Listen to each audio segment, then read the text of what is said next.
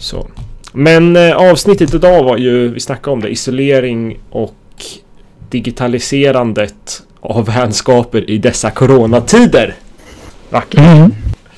Fantastiskt. Ja, nej men jag vet inte, jag, jag tänkte att vi, vi ska bara snacka om det för något jag märker, jag har ju karantänis, karantäniserat mig själv. Eller jag och min fru har ju valt att göra det med jag ska få barn nu om hur många dagar det är. Det är eh, 13 dagar egentligen när är beräknat datum. Mm. Och då är ju corona Kan bli när som ingen, helst. ingen fördel kan man inte säga. Det, Nej. det är 12, 29 var det väl? Ja, 12. Som jag sa från början, 12. Jag har absolut inte klippt det här. Ehm, 12 dagar är det då. Nu har jag tänkt helt fel på det. Men... ehm, och, och det man märker av själv är att det blir väldigt mycket mer... Alltså, mesta kontakten jag har med folk är via dator. Jag träffar ju knappt någon nu. Och sen... Allt man gör när man träffar folk är typ spela eller sitta och snacka liksom över eh, Discord eller någonting. Och det har ju en Mm. påverkan på en själv. Och jag snackar med några som jag går i min klass där jag läser pastorsutbildningen. De säger ju samma sak eller liknande hör man ju också det där med att det är liksom så här, delvis är det ju man känner sig isolerad mer och mer men också att man känner sig själv Alltså i den här isolationen så så tappar man motivation och typ någon typ av drivkraft också. Eller det är svårare, jag ska inte säga att man tappar det men det, det är svårare att få till det liksom att känna sig motiverad. Ehm, Men det är väl att man behöver bli mer avsiktlig med de människorna som man vill vara med. Ja. Det blir inte på ett naturligt sätt en kontakt utan det är mer att nu vill jag faktiskt vara med dig. Du behöver meddela dig. Mm. Jag behöver faktiskt eh, säga någonting. När tidigare, tidigare bara hade setts i skolan. Ja, det, ja, exakt. De där naturliga träffpunkterna försvinner ju på ett helt annat sätt. Ja. Och sen måste man ju skapa träffpunkter, eller träffstillfällen som inte är kanske så naturliga vanligtvis. För mig är det att jag spelar ju ganska, alltså jag har typ spelat med någon varje kväll och det har bara blivit så lite slump med familj och sen kompisar som Benjamin och andra att man bara Ja vi kör det här ihop liksom. Men det, det är ju Det är ju, man måste ju anpassa sig. Men den här anpassningen är ju Den kommer ju utifrån behov mer än den kommer från att ja men det vore ju coolt om man kan typ Alltså allt det här, allt digitaliserande och eller digitaliserande, alla de här typ att man har lektioner över nätet. Det är inte för att det vore kul att testa det utan det är ju av behov också. Mm. Och det gör ju att man hamnar på... Ja, men oftast i strid så snackar man att man kan vara på förhand. Man kan vara samtidigt. Det heter någonting, vart det heter. Och sen finns det på efterhand. finns det. Eller egentligen är det på förhand och efterhand vanligtvis man kommer i. Ja, så är det. Förhand, duell, efterhand. Och när det är på förhand, då har du sett fienden först. Så då kan du liksom ta en bra position och liksom sätta upp dig och så. Och, och det värsta är när man hamnar i efterhand. När du hör ett skott och sen vet du inte vart det kommer ifrån. Då är ju då är det väldigt liten chans att man hinner hitta dig när man får andra skottet komma eller att man man kan ju ha tur och lyckas eller tur men liksom ta skydd och så så, så kommer man undan från det. Det är inte så alla krigsfilmer man bara Sniper! Jo men exakt, det är efterhand. Och Mm. det man vill göra då är bara ner skydd, alltså prioritera det viktigaste. Det gör man i alla Mm. restriktioner men det här är ännu mer tydligt med bara hitta skydd. Skit i allt det andra liksom. Det kan brinna bakom dig, whatever, hitta skydd bara. Och det är ju lite samma, jag att det har blivit min observation av mitt egna liv liksom så här eller observationer i livet men ens erfarenhet eller ens känsla har ju blivit väldigt mycket så att det blir plötsligt så det är inte så att man liksom ja ah, okej snart kommer det komma snart måste jag ta med avstånd utan det har blivit ganska snabbt på att man eh, bara på en vecka har gått från att träffa folk till att inte träffa någon. More or less. Jag har ju fortfarande några möten jag har varit på kommer och kanske gå på även mindre liksom en- one-on-one men det är ju ehm, det har ju en påverkan Mm. på en och det blir ju en, det är onaturligt på ett sätt är det ju. Rent Ja, precis. sett är det ju. För att ta det som en liknelse är det som att ja, men eh, förut så serverades alltid skollunchen i skolan när man stack och alltså var i skolan. Men sen under eh, säg under sommarlovet eller under Mm. men plötsligt så kan jag inte längre gå till skolan och får inte maten. Då måste Mm. man ju få maten på något annat sätt. Du måste få social interaktion på något annat sätt. Ja, exakt så. Exakt. Att man måste typ... Man behöver typ... Eller ja, man behöver. En del klarar det utan. Men menar... Det, det skulle vara bättre för en att behöva kunna luncha med någon. Eh, delvis för det som är normala, för det tycker jag, om det är något som är intressant så är det ju typ, vad händer med folk när det blir lov? Eller vad händer när du blir ledig över lång tid? Mm. Eller typ bara när du, alltså så här, inte ledig på typ att nu tar jag semester utan bara, ja men ehm, typ den här veckan kommer inte jobbet vara igång, den här veckan kommer inte utbildningen vara igång, typ så här. Och det finns inget att göra specifikt, det finns ingenting. Ens rutiner går ju helt off. Det är som så här, en knapp som bara... För att naturligt så blir det liksom så här, okej, okay, men nu behöver inte jag göra det här. Och då behöver jag inte göra det här. Typ biologiskt sett kan man nästan säga att det går på den nivån. Grottmänniskan är ju så här, okej, okay, jag vill äta, därför måste jag gå ut och jaga ett djur. Okej, okay, jag har mat här, det går inte ut och jagar. Men det blir ju väldigt problematiskt när ens rutiner är också någonting som gör något väldigt gott för en. Um, mm -hmm. Det tycker jag själv. Och så, så har man ingenting att göra. Va, alltså, man kan vara arbetslös när det kommer till, till yrkesmässigt vissa tillfällen. Men man ska aldrig vara verksamhetslös. Man ska alltid hitta något och så här. Hit, ja, do something at least liksom. För det, det, behöver man på något sätt. Gör någonting kreativt eller någonting. Um, men, men bara att, att, ha igång någonting. Och det är ju en stor utmaning när man är isolerad. Ja, det är verkligen. Jag känner också. Det blir en brist på motivation. Motivation. Mm. Att göra saker ibland när jag inte träffar människor. Och man, man känns lite ensam och bara... Ja, men just varför gör jag det här igen? Mm.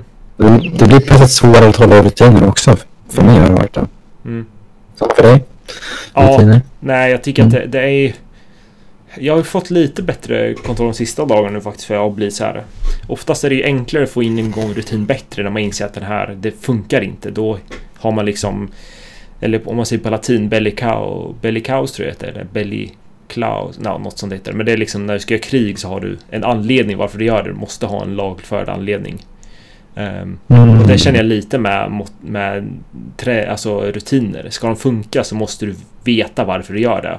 Och ibland enda sättet att veta det är typ att det händer dig någonting motsatsen av det. Okej, okay, mitt skolarbete går inte, därför gör jag en rutin för det. Um, men jag tycker själv att, att det, det svåraste med rutinerna är ju eller det svåraste är ju inte att få igång en rutin. Det svåraste är att hitta en rutin som funkar, som du kan motivera dig själv och som långsiktigt du kan upprätthålla. Um, och då menar jag inte långsiktigt att det måste vara flera år, utan jag menar mer bara så långsiktigt så att det du gör kommer rutinen stödja dig att göra. Mm. Um, för mig blev det förra sommaren då, jag tror inte jag, vi, vi sa att vi inte skulle jobba någonting, vi skulle mest ha som semester eftersom att vi hade en kortare eh, bröllopsresa och sen skulle jag bort. Jag skulle gå, göra, gå, vad heter den? Jag var på eh, Livgar, nej Livgardet inte. Jag var ju på, eh, oh, nu tappade ord för det. Men jag gick och vaktade kungen, vad det nu heter. Högvakten mm. gjorde jag. Och det blev ju, det blev ju typ som att, att det är ungefär samma lön som jag hade jobbat en månad lite mer, vilket jag hade annars gjort i alla fall. Men, men det var ju så att jag var ju typ ledig i typ två, två månader mer. Alltså det var ganska länge för det var ganska intensivt det där äh, högvakten då. Och jag bestämde, mm. då mhm. läser jag massvis. Så jag satte upp böcker jag skulle läsa. Så jag tror jag brände igenom fyra böcker. Tror jag hann igenom. Ganska ordentliga böcker. Men det blev ju... Det, det svåra där var ju inte att, att när man väl kom igång att göra det sen. Det var, eller ja, det är svårt att upprätthålla men det, det gick ändå. Men det svåra var ju på något sätt också att komma till det beslutet att jag gör det här och, och jag förföljer det och så här kommer jag göra det. Och jag satte ju inte världens rutin på det, men jag satte ungefär så att jag kommer läsa en, två timmar per dag ungefär. Ja, var det så mycket? Jo, men jag tror någonstans där väl ungefär. Försökte hålla mig till i alla fall. Eh, och sen lyssnar jag på lite böcker samtidigt också. Eh, och för mig gör det liksom så här, bokläsandet är min kontinuerliga arbetsuppgift typ. Alltså det gör jag oavsett vad som händer nästan. Jag brukar läsa minst i alla fall 20 minuter per dag. Um, och ibland kan det vara någon timme eller två beroende på hur mycket man orkar. Det på lite sådär. Men för mig har jag insett att det gör en sån stor skillnad att ha någonting som jag faller tillbaka på som jag gör, som jag ser till att göra. Någonting som är liksom... För jag ser ju mitt läsande också som att förstå bättre och förstå bättre som en kristen ledare. Och mm. ledarskap bättre också. Så um, det där jag skulle säga att motivation är ju djupt förankrat till ens uppfattning av vad det ska leda till. Mm. Och det finns ju det här citatet i Bibeln så här, eh, People without a vision perishes. Det. Ja. My people are destroyed by their lack of vision. Där har vi. Hosea 4 och 6 tror jag. Om man vill kolla upp det. Ja, nej men exakt. Och det, det är ju... Tänker jag väldigt mycket på det här, att det är ju så i slutändan. Har man ingen vision med det man gör eller det man vill Mm. göra så... Det, det kan vara lätt i början för det kan, första fasen, så honeymoon phase, där det typ är kul att göra det. Mm. Det är lätt. Mm. Men det svåraste är ju det där att... Att liksom komma till de andra stegen som är att fullgöra det. Eh, Ja, precis. Mm. Och egentligen det är det är så att mycket när man väl kommer bygga upp nya rutiner så man har väl nästan en överambition kan jag säga. Alla fall för min del att då vill jag ändra på allting men då blir det så jobbigt så att det blir backlashar. Eh, men snarare så tror jag att jag, jag behöver nu, ja, men jag tar en sak i taget. Nu tar jag ändrar min dygnsrytm så att den kommer tillbaka. Mm. Och jag är nöjd med det. Mm. Så låter det gå. Så nästa vecka då bygger jag upp en ny rutin. Ja, men då, då ska jag tillbaka ut och springa varannan dag. Eller så. Mm. Eh, Men att vara nöjd med, men, men, nu, nu, nu blir det en rutin som Mm. fixar. Och nästa vecka då börjar man ny. Inte ta allting samtidigt. Nej, nej, nej. Och sen är det viktigt också att, att delvis det ehm, att det inte tar för stort. För det gäller att komma ihåg.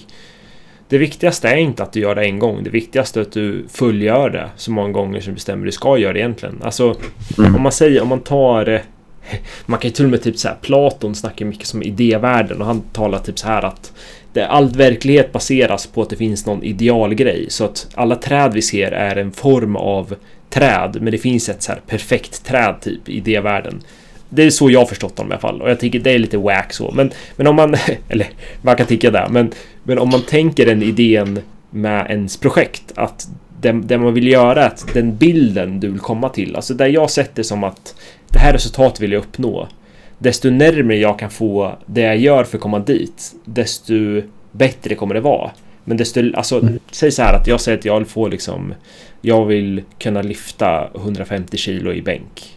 Eller lyfta Mm. 150 kilo i marklyft, det är mer rimligt. Ehm, då kan inte jag gå till gymmet och lyfta 10 kilo och göra det en gång varje månad. Och så vill jag ju att det ska hända inom två år. Då måste jag Mm. mer aktivt göra det för att de där två grejerna ska sammanhänga liksom. Det som är det verkliga, Ja, realistiska slutresultatet. Och det idealresultatet som jag tänkte, eller det som min idé är att det ska bli. Och ehm, det där är ju... Det är nog det svåraste att, att, att finna idealet och dit man är på väg så nära varandra som möjligt. Ja, Det behöver man korrigera många gånger. Och fundera på, är jag verkligen på väg ditåt? Är det jag gör verkligen bra nog? Eller borde jag göra mer? Eller borde jag ändra den min idealbild ska vara? Mm. Precis. Eh, jag bara fick en tanke också på något annat att beröra där att eh, det finns en jargong också nu eh, som cirkulerar i sociala medier med att uh, ni, som aldrig, ni som alltid har gett ursäkter till att ni inte ha, hade tid på att lägga på en, ja, men bygga bra rutiner eller att men göra om mitt liv så att det blir bra. Eh, nu har inte ni längre den ursäkten. Om, inte ni, om ni kommer ut ur den här karantänen ur den här tiden utan att ha lärt er något nytt eller så här, då har ni inte gjort någonting. Typ. Och, och jag vill på ett sätt nästan skita på det. Jag vill, jag vill bajsa lite grann på det där uttrycket för att det, den tiden vi upplever nu är jättetraumatiskt för många. Alltså med just isolation och Mm. Um, att inte vara kring sina nära och kära. Eller bara, men många lever så mycket i rädsla. Så jag bara, men nej. Nu ska jag inte bara lyckas på ytterligare en press på nu, ah, men just det, nu ska det också komma en tid på att jag ska kunna ta mig ut ur den här situationen på topp och må ännu bättre än jag någonsin gjort. Jag bara, nej, ehm, uh, du får man nog chilla lite grann. Det, alla är inte där. Många kanske kan lida av PTSD på grund av det här. För att, ja. Ja, alltså just det där citatet. Jag tycker att alltså, om man vänder så här istället så är kanske problemet är inte att du inte borde hitta någonting. Det, det, det borde man ju. tycka tycker jag även om man har alltså om du inte hittar någonting så borde du i alla fall vara aktiv på något sätt. För det är bra för dig och du borde ju vara aktiv för att det är bra för dig. Alltså that's it. Sen den graden bestämmer du själv. Men det är lite där man säger resultatet är väl att du ska lyckas lösa ditt liv nu när vi har karantän. Alltså, Mm. troligtvis ditt liv kommer inte lösas. Det är troligtvis motsatsen. Alltså att vi räknar på att vi ska få 20-40% arbetslöshet är inte en Åh, nu kommer ditt liv bli bättre. Um, och typ när de snackar om nu om att, att så här, dricksvattnet kan kanske bli lite drabbat för vi har ju typ inte kemikalierna för det. Alltså allt det där, det som det säger är ju att det, it's not going to be better troligtvis. Det kommer troligtvis bli ännu svårare till viss del. Men frågan är inte Alltså man ska inte utgå från resultatet och säga att det här är resultat ska uppnå. Man ska utgå från och säga vad kan du göra? Och det där tycker jag att, att om man ställer frågan om istället säger så här, ja men det är som det är, det är svårt. Eh, men vad kan du göra tror du för att förbättra så som det har det just nu eller så som ditt liv är just nu? Eh, och är svaret nej, då är svaret nej. Mm. Men viljan tror jag är, jag tror viljan är väldigt viktig i det här. Alltså viljan att vilja, viljan till att vilja förbättra sin position eller sitt läge. Det är liksom det är det viktigaste. Det viktigaste är inte om det förbättras i slutändan. För att hade du en vilja att göra det, då kommer du göra det. Och då, då funkar det inte så funkar det inte. Då är det bara sådär. Så. Det är i alla fall min, eh, min spontana, eller men det är lite min tanke på det här. Att det, det viljan är så mycket viktigare än vi värdesätter den. Ehm, det är liksom vilja som avgör att en ledare antingen blir typ Ja men att en ledare väljer att, att gå en väg typ som Martin Luther King. Håller på att läsa hans biografi just nu. Det är liksom...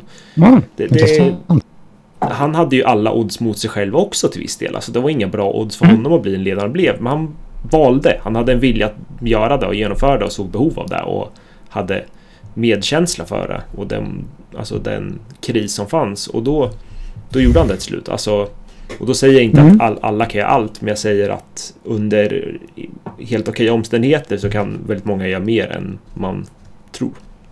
Hur gammal var han när han blev pastor? Ja, han var alltså det sjuka med eh, pastor. Det var han väl typ. Hur gammal var han? Han, var, han hade ju läst masters mm. eller doktorand. Han är ju doktor i teologi. Folk mm. verkar ju tro att han är någon så här shuno som typ mm. inte kristen. Men han var ju både pastor och aktiv pastor också, mm, tror jag. Vad fan han var det samtidigt. Han var med i eh, rättighetsrörelsen och det. Och sen var han doktorand och en doktorsutbildning är detsamma inom alla ämnen. Alltså det betyder att det är ju typ åtta år tror jag man läste något där eller längre. Så det, han var väldigt påläst. Vilket är jätteintressant. Mm. Det är så intressant för jag älskar honom. Mm. Verkligen. Det är en av de personerna som jag har sett upp mest bara kunna ja, men, kunna ha en sådan röst som han hade ändå i den tiden. Med de rättigheterna som han stred för. Mm. Det inspirerar mig så mycket. Ja, jag tycker själv man läser honom sen ganska reflekterande och jag, jag har aldrig mött... Han gillar ju filosofi och jag gillar ju filosofi och jag har aldrig mött eller läst om någon kristen ledare som brottas på det sättet han gör. Alltså han, han, det är den här pacifistmetoden, det är inte för att han... Eh, I frikyrkan så blir det ganska lätt att bara, jag gillar inte vapen och det är inte Jesus bär, alltså Jesus gillar inte vapen. Så, så därför gillar jag inte alla som bär vapen, typ så här. Så har vi löst det.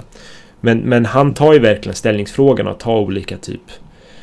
Ehm, um, Nibur som var en en teolog på 50-talet, eller ja, 50-talet efter andra världskriget som hade varit med. Eh, eller som hade suttit i fängelse då. Alltså han, han tar ju typ hans argument som är liksom icke-pacifistiska i vissa fall och liksom diskuterar det. Och märker man i boken också. Han tar ju upp det liksom med till och med typ Johan Hegel, Hegel the man.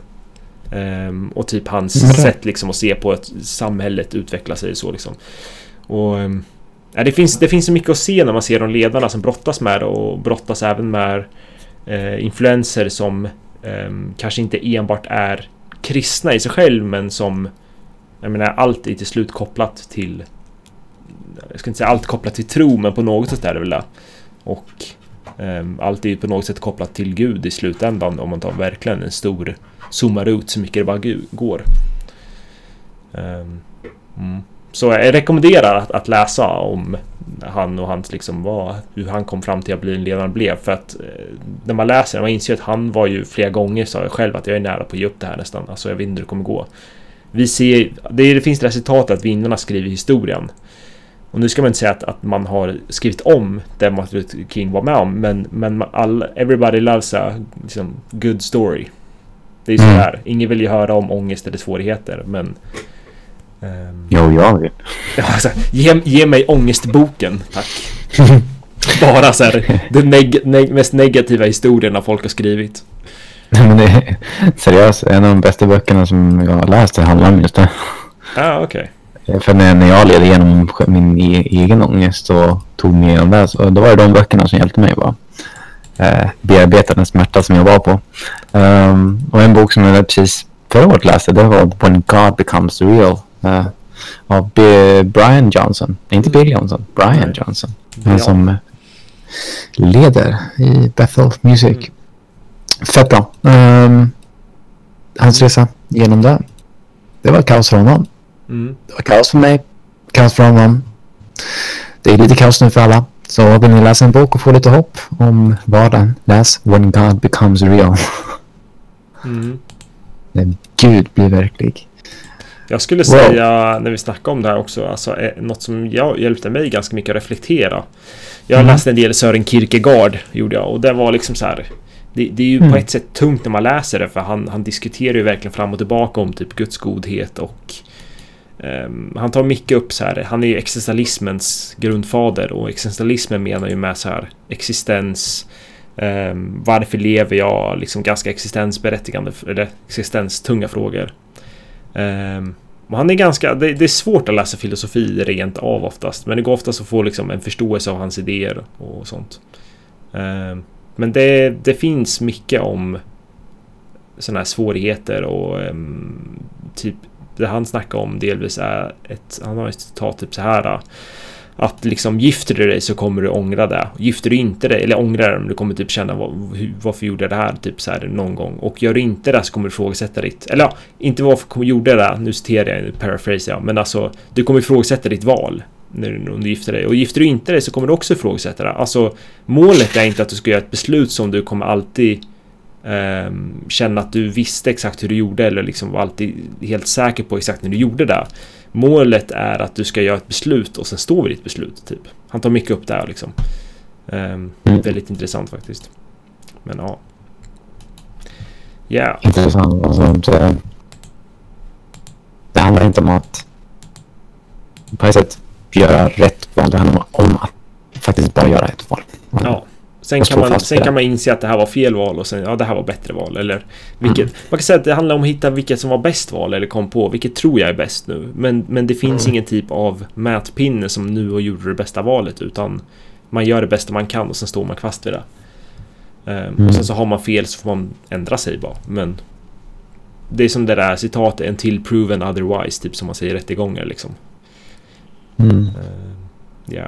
Jag tänkte också eh, i det här att vi skulle typ snacka om digitaliserande av vänskaper.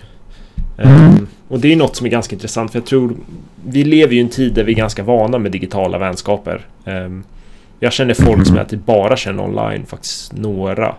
Inte så många. Men sen oftast om man underhåller vänskap på längre håll är ju att man spelar med någon eller sådär liksom, händer ibland. Eh, Men nu ser vi ju en, en total ökning av det. Alltså Ja. det, det är sjukt mycket mer kommer bli digitalt och får vi karantän då kommer det ju vara... Ja... Jag vet inte hur, det kommer intressant att se det där, vad andra kommer säga om det. Men jag tror att många kommer ju uppleva ens liv väldigt annorlunda med att man måste typ vara digital. Helt. Japp. Det kan ju till och med vara så att man får en flickvän eller så på köpet. Ja just det, på eh, findgirlfriend.com som jag kommer starta. Det, Aj, kost, det eller kostar bara 40 kronor att, eh, att, att söka liksom. 40, 40 kronor. Ja, det är billigt. summan ifrån? Men det är för att det är Corona. Jag kan inte vara för omoralisk. Annars kostar det eh, 500, så jag har sänkt det ordentligt. Shit, det är en jättedålig affärsidé. 96 procent. Eh, nej, inte 96, men 92 procent eh, rea. Mm. Tänk vilken, ju- vilken god kristen jag är då. Ja, verkligen. Eller så är det en usel investerare bara. Ja, men can't I be both? Nej. Eh, det känns som att det skulle vara en meme-grej det där, can't I be both? Det känns som att det finns någon Ja. med en sån text. Men jag tror inte det finns det än. Nej, Inte. inte riktigt än. Du kan bli nästa memen. Ja, jag, jag, håller på att profitera fram en meme just nu tror jag. Mm. Just det, memes är också med digitaliseringen att uh, det är, och GIFs, alltså, eller man säger GIF, inte GIF. Ja, man säger GIF. Jag GIF, tror faktiskt eh, något som är lite kontroversiellt, jag tror GIF är nästan mer eller mindre håller på att dö helt. Det har varit liksom, det har varit vanligt att, jo men, hear me Jo. out. Det, det, är, det är helt rätt att man, att GIF är kvar oftast kommer med. Men i den graden hur det har varit typ för något år sedan. Alltså hur ofta folk skickar GIFs och så här, det var kul. Nu är det typ så här, Mm. ja det är lite kul. Men det har ju verkligen förlorat sin energi att göra det. Eh, Mm. Memes är ju förvånansvärt fortfarande. Memes har ju ändrats också en del. Det finns ju, jag följer en subreddit som heter Wojak. Och det är liksom en, eh, om ni sett Feels med en eh, memen med en snubbe som ser lite halvdeprimerad ut typ. Det, det är massor med, med en figur som de håller på och då gör de typ narr av massor med kulturgrejer och sånt. Det är Nej, underbart. det har jag inte sett. Nej, jag ska skicka den subreddit får du se. Gör det. Men, eh, men det är ju verkligen det att man, det har ju också utvecklat sig mycket sen det fanns tidigare. Mhm.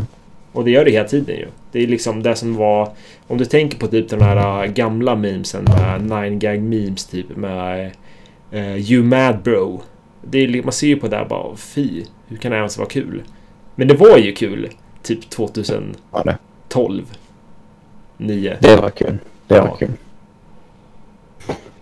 Och avsteg movies. 2010, Ja, just det. 2011. Ja, det måste Ja. vara något sånt väl. Ja, det var, det var guld. Ja, alltså jag kommer ihåg själv de grejer man kollade också på då. Och det, det där digitaliserandet är ju liksom, det är ju Mhm. också som någon typ av... Alltså kultur är så intressant för det utvecklas ju och när vi har tänkt så här, ja men... Jag vet att det finns filosofer och sånt som snackar om det, att, eller det finns inte filosofer men människor också som typ säger att om en kultur, vi har ju typ ingen kultur. Det, det, det, är det är typ det man har sagt typ om så här svenskar i många fall. Lite så här Mona Sahlin bara ni, ni andra, eller typ, det var just när hon gick till moské typ och snackade, men då var det så här att hon bara Ni har så mycket kultur, vi har ju typ ingen kultur, det, det är inte bara en människa utan det är helt en världsbild för många att så här, det är inget speciellt med vår kultur. Men nu har man ju, nu håller det på att ändras en del tror jag. Faktiskt att man på ett sätt ser att men det finns en kultur som faktiskt är. Mm. Eh, och att, att kultur ändras. Jag menar, ta typ så tidigt, eller 2010-ish, eller 2000. Ja, 2010, då, är det, då kan saker fortfarande vara relevant. Tidigt 2000, det ser ju också så här, shit vad cringe typ. Det är typ som man såg förut på 80-talet. Bara, öh, neonfärgade kläder, vad fult. Japp, Ja, men jag kommer ihåg det. jag kom på sidetrack nu känns det som.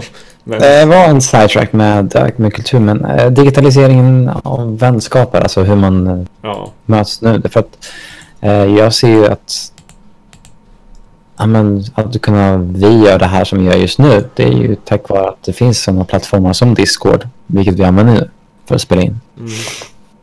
prata med andra. Och, ja, men det skulle behövas mer, tycker jag. Eh, att man kan lära sig utav Mm. På ett sätt, kanske inte gamingkulturen på sånt sätt, men det är tack vare gamingkulturen som det är skapat sådana här verktyg för att kunna kommunicera med varandra på det här sättet. Därför typ framfört det framåt, skulle jag säga. Ja, ja, jag håller med dig. Alltså, men samt, ja, jo, jag skulle säga jag, jag känner två sidor av det här. Å Mm. ena sidan så har vi fördelarna med det här. Å Mm. andra sidan så har vi nackdelar, vilket jag kommer ta upp nu. Men, men, men jag menar, teknologi är ju inte, den tar inte ställning sig själv. Att det finns 5G-nät är ju inte så här, åh, det här är 5G-nät och jag älskar Jimmy Åkesson. Alltså, det, teknologi är bara teknologi. Det är bara en blipplopp, en, en grej med lite trådar som liksom gör någonting när du trycker här. Och det är lite Mm. samma med den teknologin vi har nu med internet som utvecklas. Alltså, den, den är inte gjord så att den tar ställning som att eh, det här internet vi har har en värdegrund. Det här är den, alltså det, fin- det är ingen AI som styr liksom dina hemsidor du kommer in på. Och det är där jag också Just tänker lite det. här att, att en nackdel vi ser. Alltså digitaliserande är bra för att du får möjlighet att träffa folk och så.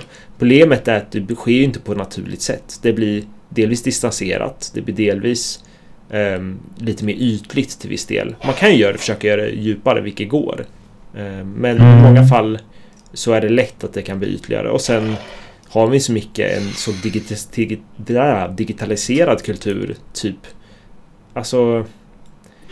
det, är ju genuiniteten är ju svårare med det här.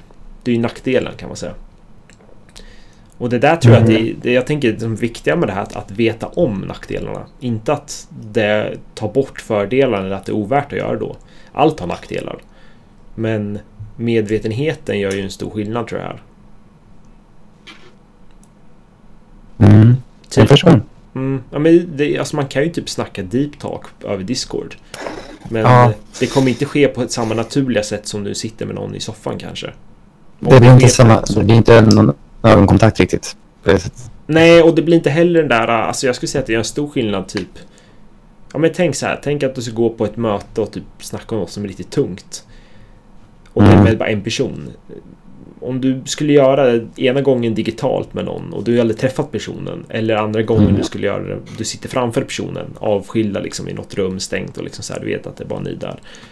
Mm. Vilket skulle vara enklast att dela? Och tänker om man tar det kort som en retorisk fråga, alltså det är ju mycket enklare att dela då när du sitter med personen. Det blir en förtröstan, det blir en trygghet, du ser personen, du vet liksom att det är bara vi. Liksom. Allt det där, det sker ju inte digitalt på samma sätt. Det måste man ju försöka då tänka medvetet, okej jag vill det här, okej då kommer jag göra det här. Och det är där jag Mm. tror är det svåra med digitaliserandet är att du måste vara medveten om em, på ett sätt vad du vill. Det, det kommer inte bli på samma sätt naturligt. Em, och det tror jag att, att bara sitta och spela med folk em, och säga "Ja, jag träffar jättemycket folk, sitta och spela med dem var, varje kväll, liksom så här två timmar. Ja, jo, du kanske har mycket social kontakt där, men om du är helt, om man sitter i karantän eller skulle göra det i så fall, du kommer behöva kontakt mer där du verkligen kan snacka med folk oftast. Mm. Precis. Däremot det kan ju vara enklare för vissa människor att eh, köra det online och inte face to face. Ja. Eh, de känner en trygghet i det också. Verkligen. Mm. Det, är också, det kan ju också vara en fördel att det finns ju två sidor av både fördelarna och nackdelarna. Eh, vi alla är ju olika och det finns ju många, jag känner själv ibland att det jag vet inte om jag tycker det är enklare, det skulle jag inte säga, men, men i vissa fall... Jo, om det är fler personer, då tycker jag att det är enklare att faktiskt göra det digitalt tror jag nästan att tala. Ehm, Mm. på ett sätt. Så länge det är på svenska. Jag hade ett möte på engelska nyligen och då det kändes konstigt kan jag säga att försöka snacka engelska och inte se folk för då man försöker ju komma på om orden funkar och då har ingen att kolla på. Mm. Så eh, det är en Så jag får ingen så här, äh, respons på deras ansiktsuttryck om de förstår det eller inte. Nej, Eller? exakt, för- att när du snackar ett annat språk så är det ännu mer viktigt då att du får respons.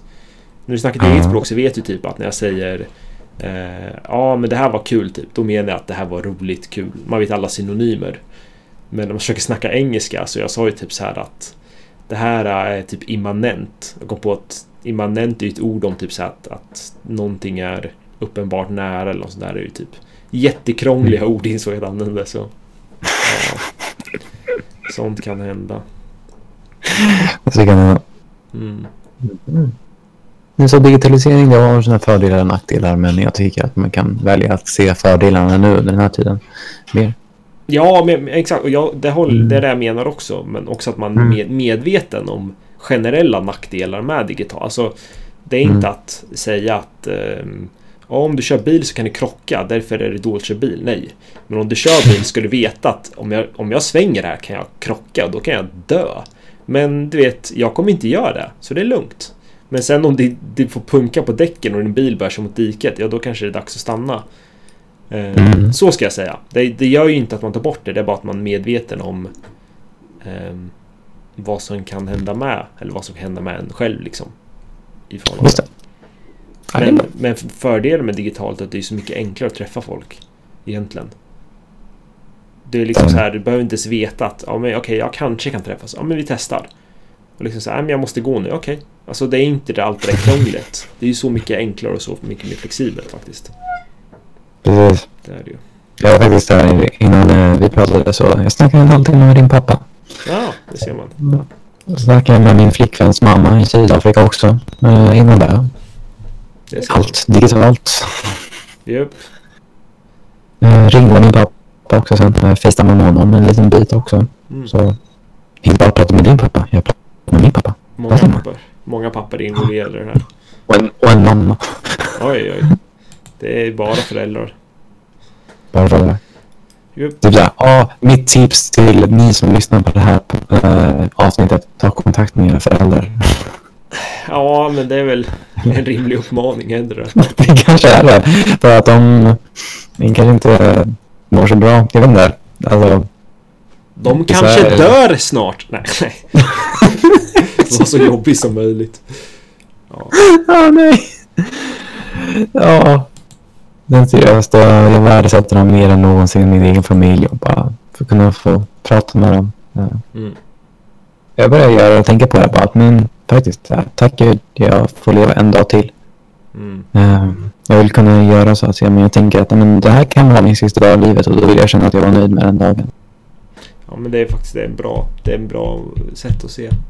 Jag tänker, Mm. jag hade ganska, faktiskt när jag insåg hur illa Corona kan bli för många äldre, känner jag själv så här. Jag var ju, jag blev inte orolig men jag känner på något sätt så här. Alltså... ehm, nej men jag vill inte på något sätt dra igång den här grejen att jag börjar så här bearbeta. Okej, om mina föräldrar dör nu, hur, hur kommer jag reagera? Och så inte en så här paniksätt. Men det är ju fortfarande tungt på något sätt att se sig själv stå på begravning. Jag tänker så här, om jag kanske kommer göra ett slut. Och det kommer ju komma oavsett, frågan är bara när. Men Mm. jag känner ju nu att jag inte är... Jag är inte orolig alls, eller inte orolig men jag känner så här... Jag vet hur jag kommer reagera om det händer, därför tänker jag inte på att det, det nu kommer hända så, utan jag vet, ja händer det så händer det liksom. Men... Det, ja... På något sätt, jag, jag tror bara att det enda... Det är inte en nackdel, till slut måste det ju vara på dina föräldrars begravning. Det är ingen fråga om det. Frågan är bara. Precis. Det är sant. Och faktiskt Mm. bara mer och mer bara vara tacksam över att vi får ha en tid med våra föräldrar just nu. Ja. Ja, jag brukar, vi, vi, jag och min familj, vi, eller ja, jag och mina brorsor och ja, faktiskt hela familjen nästan. Vi brukar sitta och spela äventyrsspel just nu och så kör vi det över Discord. och det, det är liksom ett Nice. sätt att vara, ja men det är ett sätt att träffas igen då. Och det har vi gjort tidigare tillsammans men nu liksom sitter vi där och så kör vi på själv liksom och snackar så här gör vi, går dit och gör så här, snackar ihop oss. Ja. Det finns många sätt att göra det på, var kreativ. Wilcox the Gathering. Ja, nej, men det är lite så nästan. Det är det ju. Ja, nej, men det är ett avsnitt tror jag. Ja. Tack så mycket för att du lyssnade. Och vi ses nästa gång. Mm.